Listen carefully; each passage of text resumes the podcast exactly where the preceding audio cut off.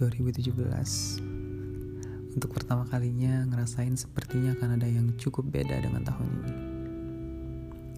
I feel so weird to talk about this but yeah, feel like I have such a strong feeling for no real reason. Yes, I was madly in love with someone.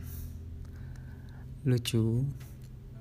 Waktu itu pertama kalinya ngerasain kayak ngajakin orang makan deg-degan enggak ya? Ya pada akhirnya dia mau diajak makan. Untuk pertama kalinya aku memandang seorang sebahagia itu. I feel like she's brightening my soul in ways I can't begin to describe. Yang aku tahu aku seneng banget pada hari itu. Jujur malu sih ngomongnya tapi bener-bener masih ingat pada hari itu nganterin pulang hujan-hujanan bareng. What a good day that was. I think it's pretty normal untuk sebahagia itu.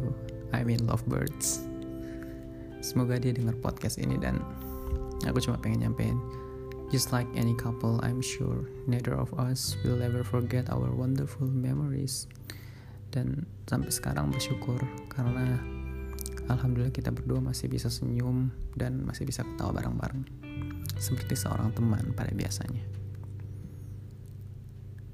Banyak banget pastinya pelajaran yang bisa aku ambil dari hal kemarin. Even though she's broke my heart the day she choose to walk away. And yeah, as hard as I try and as much as I gave of myself, it wasn't enough to make this relationship last. Mungkin kita punya rasa yang sama di waktu yang kurang tepat. Mungkin kita pada waktu itu belum terlalu matur untuk hal ini. Dan dari hal itu aku belajar untuk mencapai level yang dewasa. Pastinya perlu banget sebuah proses dari rasa sakit, gagal, dan jatuh yang pada akhirnya harus bangkit lagi. Yes, we still have a lot of growth dan ya sampai ketemu di lain hari.